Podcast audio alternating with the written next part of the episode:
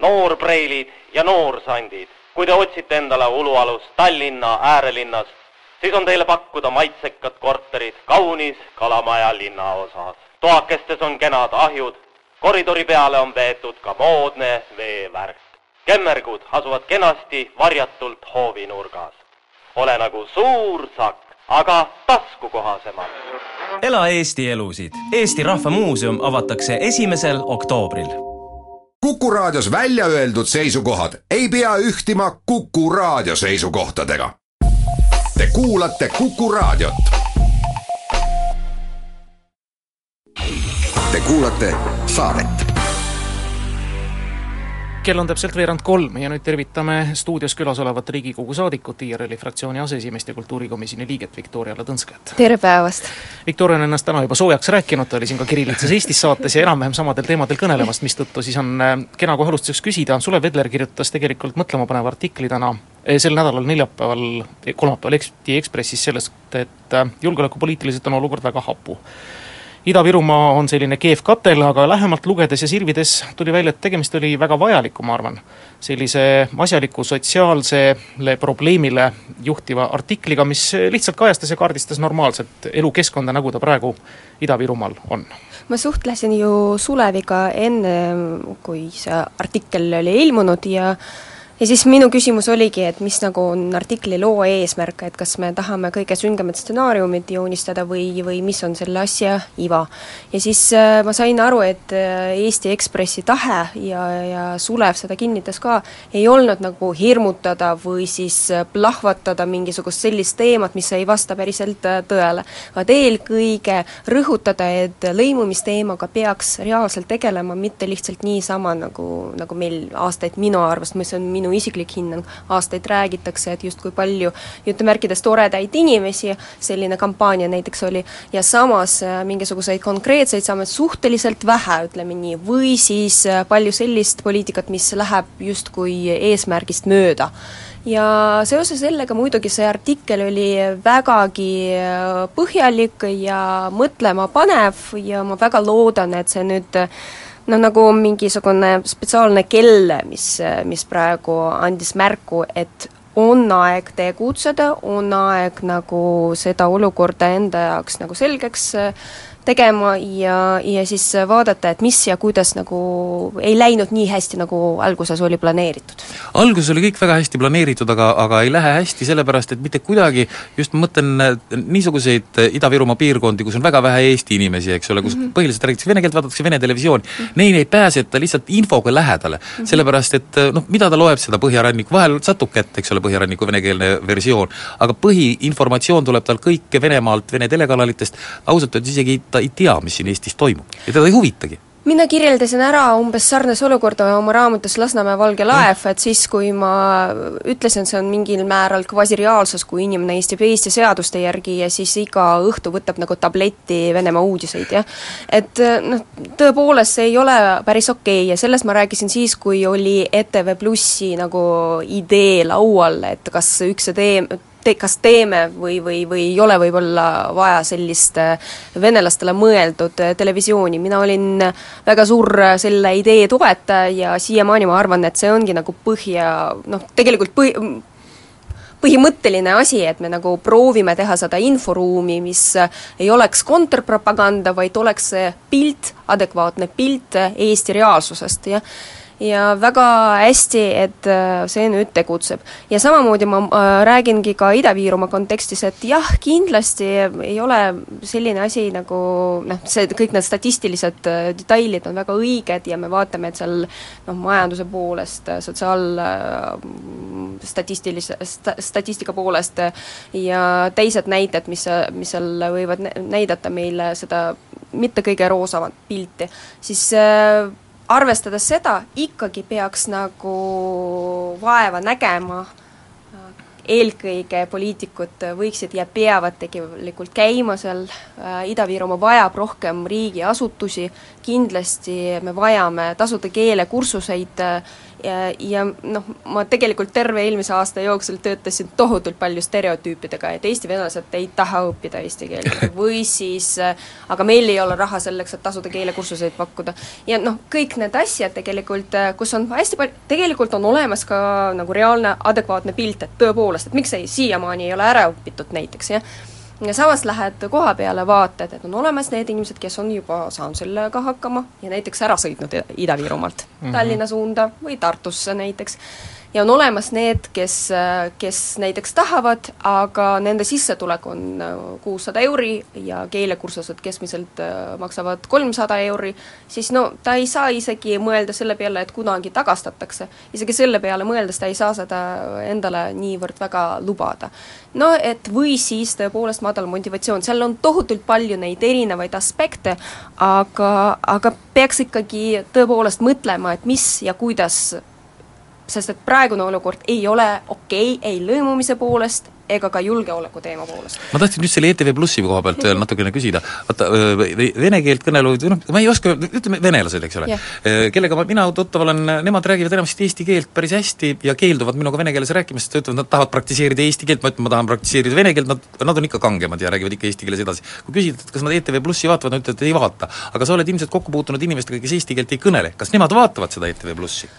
ETV reitinguga ei ole praegusel hetkel kõik nii hästi, nagu tahaks, peaks seda tunnistama jällegi, aga ma arvan, et esiteks me peame rohkem nagu noh, natukene ootama, sest et äh, aasta aega tagasi hakkasime tööle, nii et ma väga loodan ikkagi, et see reiting tasapisi tõuseb, see on esimene asi, teine asi muidugi tuleb mõelda äh, ka näiteks selle peale, et äh, kes ja kuidas teeb seal tööd ja milliseid programme me pakkuma ja üleüldiselt ma tuletan meelde, et siis, kui see idee oli laua peal veel, siis me rääkisime ristmeedia, meediaprojektist ja kindlasti sellest, kuidas kaasata ETV Plussi tegevuses näiteks Raadio nelja, kellel oli ja on äh, jätkuvalt äh, väga lai ja suur auditoorium. nii et kõik need asjad on tegelikult äh, noh, sellised, mida me peame, millega me peame arvestama. See on hea, et sa stereotüüpe mainisid korra, millega sa oled töötanud läbi terve, eks ole, aasta ja suve, kuidas sellega on, kõik saavad aru, Ida-Virumaaga ja Vene elanikkonnaga tuleb tegeleda. Aga tuleb tegeleda natuke teistmoodi, ehk siis tuleb natuke teise suhtumisega peale minna, tahame või ei taha, mul on vähemasti selline mulje jäänud, et ikkagi vene inimene ootab, et tema eest tehtaks natuke rohkem ära, kui sellega tavaliselt eestlane on. ma ei tea, kas see suhtumine tuleb Venemaalt, et eh, tuleb Putin või, või siis, et oodatakse ka meilt, eks ole, et, et meie pravitelstv teeb just kõike meie eest ära. kas seda ettevõtlikkust on natukene vähem? kas nad vajavad natuke rohkem tõuget selleks, et no. ise natuke minna minna ümber no, muidu jääb lihtsalt sellele, et kõik on, valitsus on süüdi. nemad ei tee midagi. no et siin on kaks vastust teile korraga, üks vastus on see, et osaliselt selles äh, süüdi see vastandamispoliitika, mis on aastaid juba ke-, äh, kestnud ja no me ju näeme, et siis, kui sa äh, poliitikuna tuled Ida-Virumaale, siis mul olid noh, ma, ma ei saa nagu mitte rääkida sellistest asjadest, ka minul olid nagu mingisugused poliitilised äh, probleemid seal, sellepärast et seal on hoopis teine võim ja siis nemad proovivad koheselt näidata seda konkurentsi sinuga, isegi kui näiteks teil on üks lõimumise eesmärk, on ju. aga ikkagi seda nagu poliitilist mängu mängitakse igal pool ja, ja Ida-Virumaa on ka hea jutumärkides näide sellest, et kuidas meil äh, vastandamispoliitika lõppkokkuvõttes äh, tuleb välja tulemusena. mina ei ole nagu selle äh, vastandamispoliitika eriti suur fänn, sest et kindlasti noh, selge see, et see toob nagu mingisugust poliitilist saaki, eriti pärast valimisi, aga samas pikemas perspektiivis head ei tee ei inimestele ega ka Eesti riigile nüüd siis äh, teine küsimus, et ähm, teine vastus seoses sellesama küsimusega, et kas nad ikkagi tahavad, et keegi nende eest midagi enamat teeks, et ma ütlen, et nii ja naa, eri-, inimesed on erinevad, et äh, kindlasti äh, et noh, ei ole õige rääkida, et on olemas erinevad äh, grupid või äh, erinevad kategooriad, aga ma ise nagu mõtlen, et meil on hästi erinevaid eesti venelasi siin Eestis. on olemas need, kes äh, said ise hakkama, kes tõepoolest, nagu teie praegu rääkisite, et suurepäraselt räägivad eesti keelt ja tegelikult loomulik Eesti ühiskonna osa. Aga on olemas ka need, kes tegelikult räägivad, aga samas ei unusta oma öö, oma tausta, venekeelset tausta, vene tausta ja on olemas kolmas rühm, kes on hästi lojaalsed, aga lihtsalt ei valda keelt. et selliseid inimesi ma olen väga palju näinud, kusjuures just Ida-Virumaal.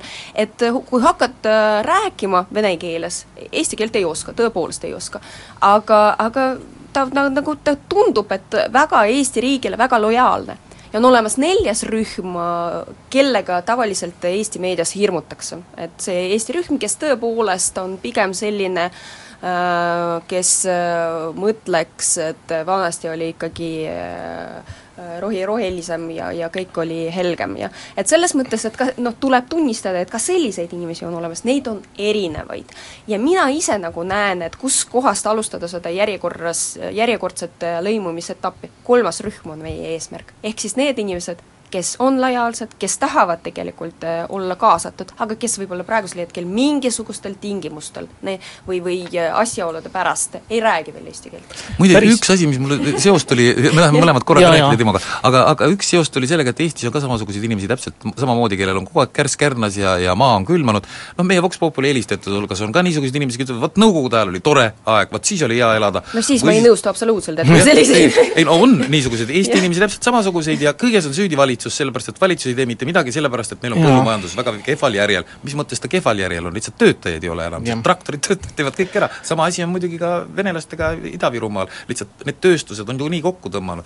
kaevanduses töötab kombain, mitte ei tööta enam. me ei saa ainult Ida-Virumaast rääkida, meil elab ka Lasnamäel näiteks seitsekümmend viis tuhat muukeelset inimest, Maardu linn, eks ole, ja muud sellised, et mine kuskile Mustakivi Maximasse, siis sa näed tegelikku elu ma võin päris nii öelda. kui palju on siiralt noorte hulgas neid inimesi, kellel on tõesti siiras huvi ollagi Eesti Vabariigi mm, lojaalne kodanik, noh, ei pea näitama siin ilmselt patriotismi üles iga mm. hommik minema pika Hermanni alla. aga, aga noh, õppida kas või seesama keel ära või on siis ikkagi suuremas eas, mul on kohati mulje jälle jäänud, Maxima järjekorras seistes võib-olla, et enamistel inimestel oleks ikkagi oluline see nende oma heaolu ja täiesti talambatški on see, mis poliitika ümberringi valitseb, peaasi, et korralik Zarabatka oleks. Äh, no tegelikult, et see ei ole nagu venelaste eripära, on ju, see on ka no, see tä-, täpselt samamoodi ka teiste rahvuste puhul on ju, et eelkõige inimene mõtleb selle peale, kus tal on hea olla. ja tegelikult see on ka hea argument selle peale, et, et kui hirmutakse, et vot, tuleb Venemaa, ei no tegelikult paljud eksperdid nõustuvad selles, selles mõttes, et venelased näevad, et siin on noh, ei ole nii traagiline ju et kui inimesed ikka elavad siin, on ju. et see on äh, noorte ko-, noorte kohta ma ütlen ja julgen väita, et tegelikult äh, see on juba järgmine põlvkond, kus me näeme väga sarnaseid probleeme nii eestlastega kui ka eesti venelastega, et ehk siis äh, kas äh, ikkagi minna kuskile välismaale ja kas äh, peale seda tulla tagasi ja, ja mis haridust ma ikkagi omandan ja, ja mis eriala on lõppkokkuvõttes mulle vajalik ja nii edasi, et siin nagu seda konteksti. Nii teravalt enam ei esine, mulle tundub. Tundub. aga samas jällegi, kui sa hakkad nendega rääkima, ma hästi palju räägin praegu noortega, ma külastan neid noori inimesi erinevates koolides, mitte ainult eh, vene eh, koolidest jutt on, vaid ka eesti koolidest, aga noh, need probleemid tegelikult on seal juba üsnagi sarnased. Saates hoolitseb nägemise ja väljanägemise eest Pupilo optikapood Viru keskuses Vox Populi. ja nüüd on teie kord, head Kuku raadio kuulajad, kui kell on kolmkümmend viis minutit kaks läbi.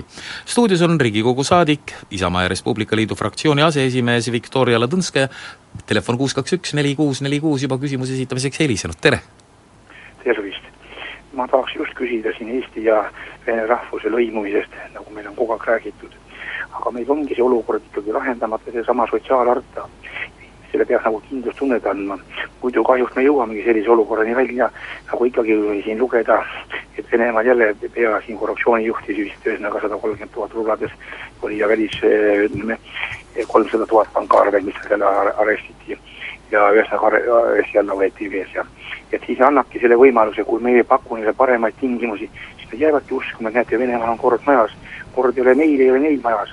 Ja ikkagi need inimesed, kes normaalsed inimesed on, neile peab andma ikka tingimusi, et me saaks suuremaid palkasid ja ettevõtlus ja see oleks parem. aga muidugi, mis saab nende probleemsed inimesed, neid on eestlaste seas, on venelaste seas sellest ühesõnaga kes on narkomaanid, joodikud, põhjakäigi inimesed, me nende peale peame kulutama, ega need tulevikku ei tee.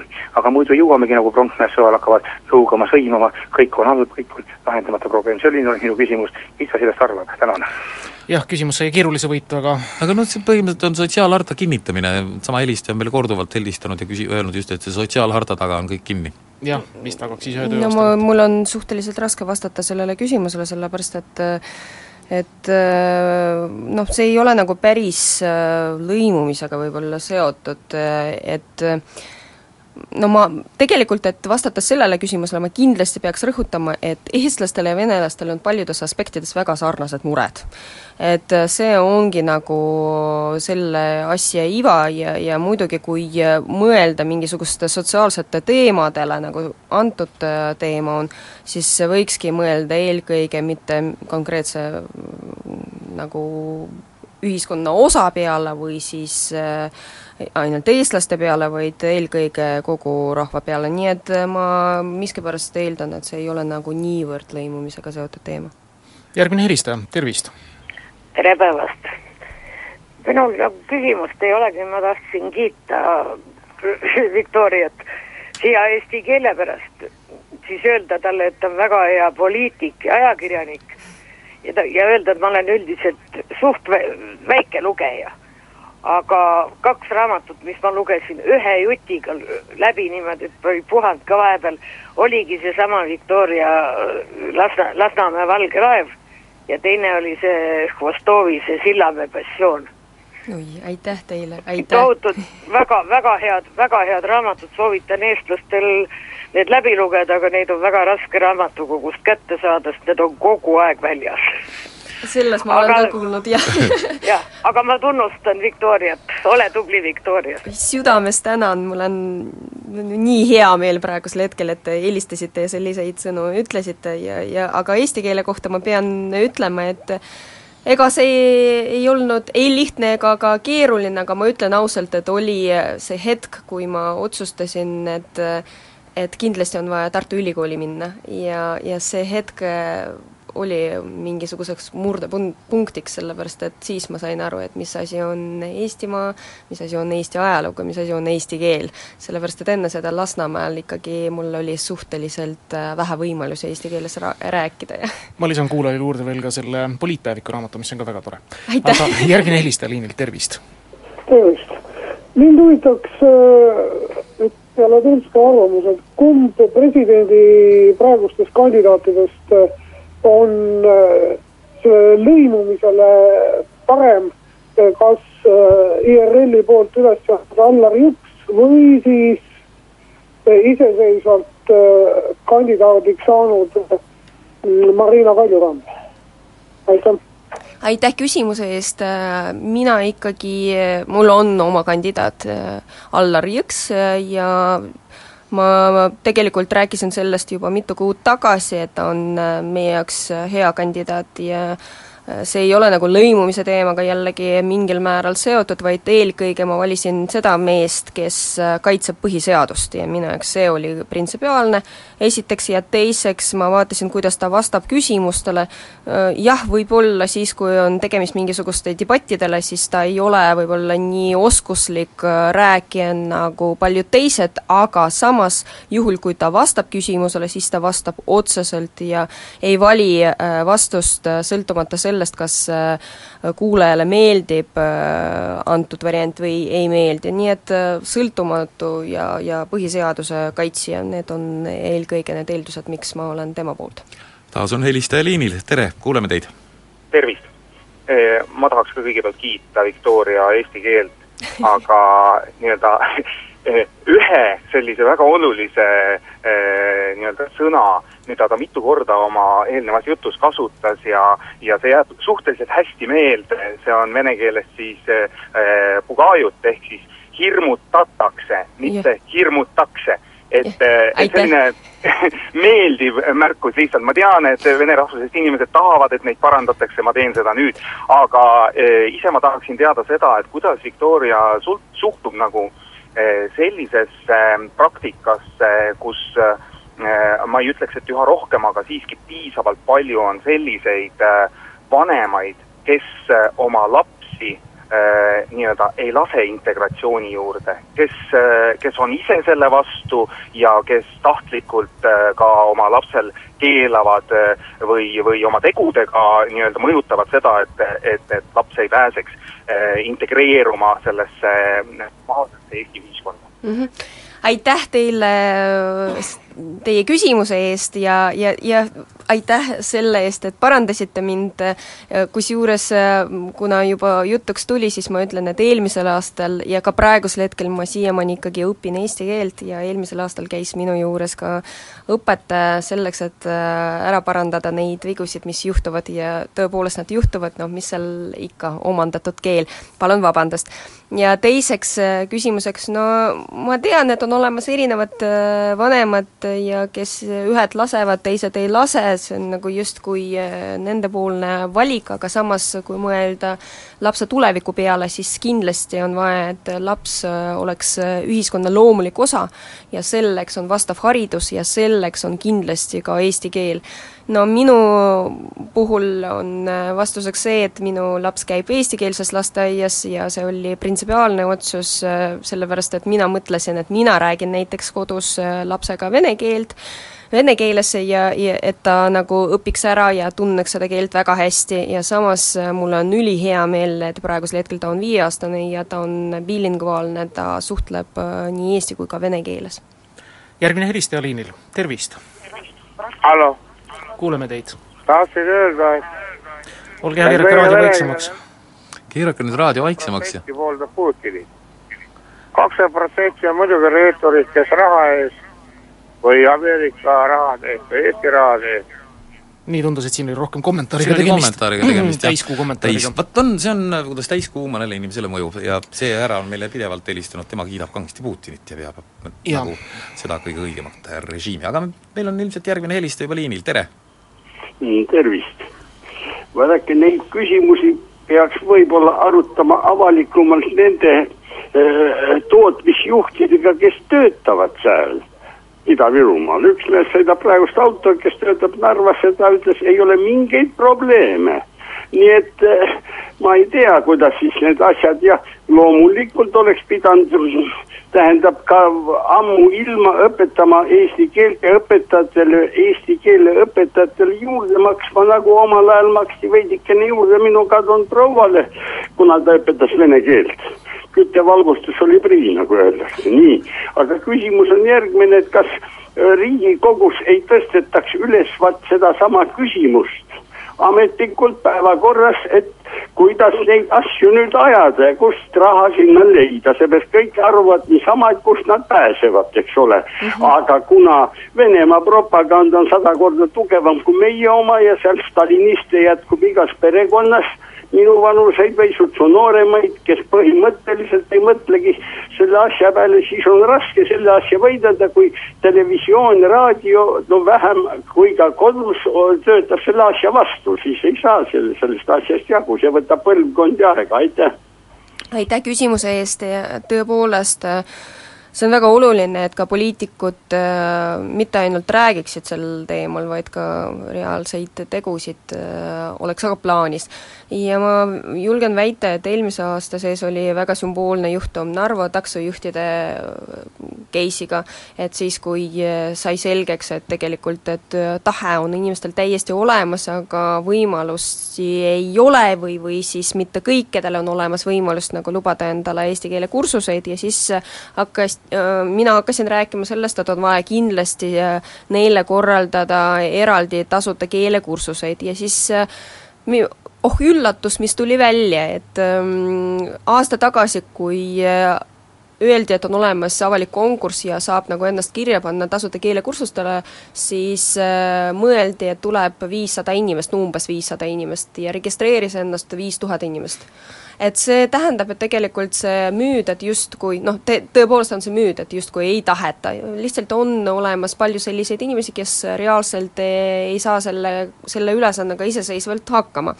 Ja, ja tänu sellele ma nagu kogu aeg räägin sellest, et on vaja nagu neid korraldada, aga kahjuks äh, mis nagu juhtus selle aasta sees, et need taksojuhid on endiselt järjekorras, e-, endiselt ei saanud endale neid vastavaid kursusi. ja, ja nüüd siis me mõtleme, et kuidas ja mis viisil edasi sellega minna, äh, muidugi see lõimumise teema üleüldiselt on kultuurikomisjoni teema, ehk siis ka minu valdkond, ehk siis ka mina äh, vastutan ja tegutsen selle nimel, et see saaks parandatud, ja teiseks muidugi vastutab kult-, kult-, kultuuriminister, sest et äh, nii MISA Integratsiooni Sihtasutus, kui ka üleüldiselt lõimumisvaldkond on tema valdkond ja, ja ma väga loodan, et tema saab asjaga hakkama. Vox Populi nelikümmend üheksa minutit on kell üle kahe, meie pikem reedene Vox Populi, külas on Viktoria Ladõnskaja ja telefoni otsas helistajad, tervist! tere, lugupeetud Riigikogu liige.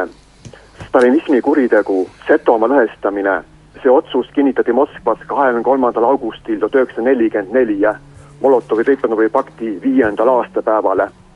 Stalini otsused on põhjustanud külade tühjaks jäämist nii Petserimaal kui ka Narva jõe idakaldal. tulge küsimuse juurde, palun. Ja vähemalt Setomaal on säilinud lootus, et kodukohta lõhestava kontrolljoone tagused mõned külad on tulevikus võimalik tagasi saada, kui uut piirilepingut lõplikult ei kinnitata. kuidas teie suhtute stalinismi kuritegude tagantjärele legaliseerimisse? kas teie pooldaksite uue piirilepingu menetlemise jätkamist või võiks kohalikel elanikel alles jääda lootus? aitüma aitäh küsimuse eest, see on väga keeruline küsimus, no ühest küljest on lihtne, teisest küs-, teisest küljest on hästi keeruline. no esiteks muidugi ma ei poolda kõike seda, mida teie nimetate stalinismiks ja, ja nii edasi, sest et see ajaloo mälu ja üleüldiselt ajaloo trauma, mis juhtus Eestiga, on väga karm ja siin isegi ei jätku sõnu nagu ära kirjeldada seda olukorda, mis on Eesti inimesed äh, üle elanud. Äh, nüüd siis äh, tulles nüüd piirileppe juurde, siis ütlen, et praegusel hetkel see teema on maas ja, ja seda teemat praegusel hetkel ei ole päevakorras nii et siis, kui jälle tu-, tuleb jutuks, siis vaatame, mis on selle seis. taas on helistaja liinil, tere! tervist! Ma päris algust ei kuulnud, aga ma kuulsin, et äh, paljud inimesed äh, kiitsid Victoriat tema eesti keele koha pealt ja ma täiesti ühtin nende inimestega. ja, ja mul tekkiski küsimus nagu, et äh, kindlasti on su tutvusringkonnas palju inimesi, kes kellega sa pead suhtlema vene keeles. sa, kas sa nagu suudad neile nende vestlus, nendega vesteldes nagu neid motiveerida eesti keelt õppima, oleks nagu esimene, esimene küsimus ja teine see, et kas te oskaksite seletada äh, aga miks on hästi palju vene rahvusest äh, inimesi meil kas või väikestes Eesti linnades, kes nii-öelda on juba aastaid-aastaid kaua siin elanud, aga noh, arusaadaval selles mõttes nad, nad ei räägi eesti keelt või nad ei nagu, ei tahagi õppida eesti keelt ära, kuigi nad elavad siin, et miks nad ei taha, kui nad elavad väikses äh,, väikelinnas, see, et Ida-Virumaal okei okay,, see on mõnes mõttes arusaadav, aga aga mujal väiksemates linnades aitäh teile ja jõudu! aitäh, aitäh, aga noh, see on keeruline küsimus sellepärast, et äh, see sõltub konkreetsest inimesest muidugi, konkreetsest iseloomust, et mina arvan, et äh, kui sa ikka elad selles riigis, siis sa austad seda riiki ja selge see, et äh, esimene nagu oluline asi, mis eestlastel on, on keel. ja, ja muidugi on arusaadav, et ma tahan mõista teid, selleks et mõista teid, ma pean suhtlema teiega teie keeles. Ja, ja veelgi olulisem, mis nagu noh, mina armastan lihtsalt erinevaid äh, asju keelte juures äh, ja uurisin neid igasuguseid ajaloolisi momente, et mulle väga meeldib nagu keelelised mängud või, või mingisugused sellised fraasid, mis ütlevad tegelikult ajaloo konteksti välja nii vene keele puhul kui ka muidugi eesti keele puhul. Hästi huvitav võrrelda neid, et siis, kui näiteks noh, ma ei tea, esimene sõna, mis praegu pähe tuleb, on kojamees, no, no, no ka siis, kui ma mõtlesin, et mis, mis, mis mõttes nagu auto peal on kojamees. Ja, ja et, et selliseid asju sa nagu puhtautomaatselt ju elus kasutad, aga kui hakkad mõtlema sellele, et kuidas seda tõlgitakse ja siis ma taipasin, et tegelikult ju venelastel on ka täpselt samamoodi dvornik na mašiini ja et erinevaid asju. Ja muidugi praegu vaadates, kuidas mu laps kasvab ja kuidas tema esitab omapoolseid küsimusi keelde kohta, tema näiteks küsis minu käest, ema, kuidas sa aru saad, kas see tegemist on R tähega vene keeles või B-tähega eesti keeles, nad on ju jumala võrdsed. Ja, ja, ja, aga, aga siis, kui ma suhtlen oma venekeelsete sõpradega, siis noh, minu tutvusringkonnas on ikkagi palju selliseid inimesi, kes oskavad ja ei näe probleeme, pigem probleem on selles, et kasutavad hästi palju eestikeelseid sõnu vene, vene tekstis. Aga on olemas ka need, kes tõepoolest ei, ei äh, saanud selle ülesandega hakkama ja tegelikult ma pean ütlema, et see tõepoolest sõltub esiteks inimesest ja teiseks ka äh, ka sellest, et äh, noh, on olemas ka need inimesed, kes ei ole võimelised. et on olemas ka need inimesed, kes miskipärast ei taha ja siis tuleb tegeleda pigem nagu motivatsiooniga, ehk siis miks see inimene ei taha. no ja muidugi lahendatakse neid asju väga hästi siis, kui eh, inimesel tekib huvi. ma just eh, vahepeal rääkisin siin, et kõige karmim sõna integratsiooni puhul on peama ja ehk siis sa pead midagi tegema, kusjuures eh, nii Eesti, eestlastele kui ka venelastele, et kui sa venelastele ütled, et sa pead rääkima, ju siis võib-olla ta ei lähe koheselt õppima. ja samamoodi, kui sa eestlasele ütled, et tead, sa pead armastama seda inimest, sellepärast et noh, teist kodumaad tal enam ei ole. et äh, see ka nagu ei hakka tööle, sellepärast et äh, miks ma pean, ma ei pea ju, et ei, ega selline peale sunnitud asi, see ei ole kindlasti nüüd väga, väga kasulik kummalegi poolele. keele nüansi juurde tulles ma ei saa rääkimata jätta ka, kui ikkagi lapsena küsiti ja ma üritasin tõlkida, ma ei saanud tükk aega aru, miks pärast naerdakse, kui ma ütlen, et kamenna ja tšai. selgitades, millest on tehtud korralik jalgtee, aga nii ta läks. Viktoria, mis on sammud üks, kaks, kolm, mis võiks kohe nüüd ja praegu pärast seda Ekspressi artiklit ära teha? Tasuta keelekursused kindlasti. Ja need peavad olema korraldatud juba võimalikult ruttu, sellepärast et neid tahtjaid on ikkagi palju. see on esimene asi, teine, rohkem riigiasutusi Narva linna ja Ida-Virumaale. Ja eelkõige näiteks Eesti keelemaja, mis ei oleks lihtsalt niisama nagu keele peale mõeldes, vaid see maja, kus saaks suhelda inimestega eesti keeles Eesti kultuurist, äh, Eesti riigist ja nii edasi, see on äärmiselt oluline projekt. ja siis muidugi kolmas aspekt ei saa üle ega ümber, meil peab olema mingisugune majandusega seotud tugev programm, mis oleks mõeldud Ida-Virumaa inimestele, sellepärast et et antud hetkel lõimumine on sõltuvuses äh, majandusaspektidest naisterahvana kindlasti pooldaksid seda, kui oleksid meil kakskeelsed kokandusringid, ma mõtlen, nii tore oleks, kui, kui eesti ja vene rahvusest septe vahetataks vastastikku keeltes. see oleks tore. aga suur tänu, Viktoria Ladõnskaja, täna külla tulemast, küsimustele vastamast, edu, jõudu töös ja kohtumiseni jälle! aitäh ja head päeva jätku, nägemist! Vox Populi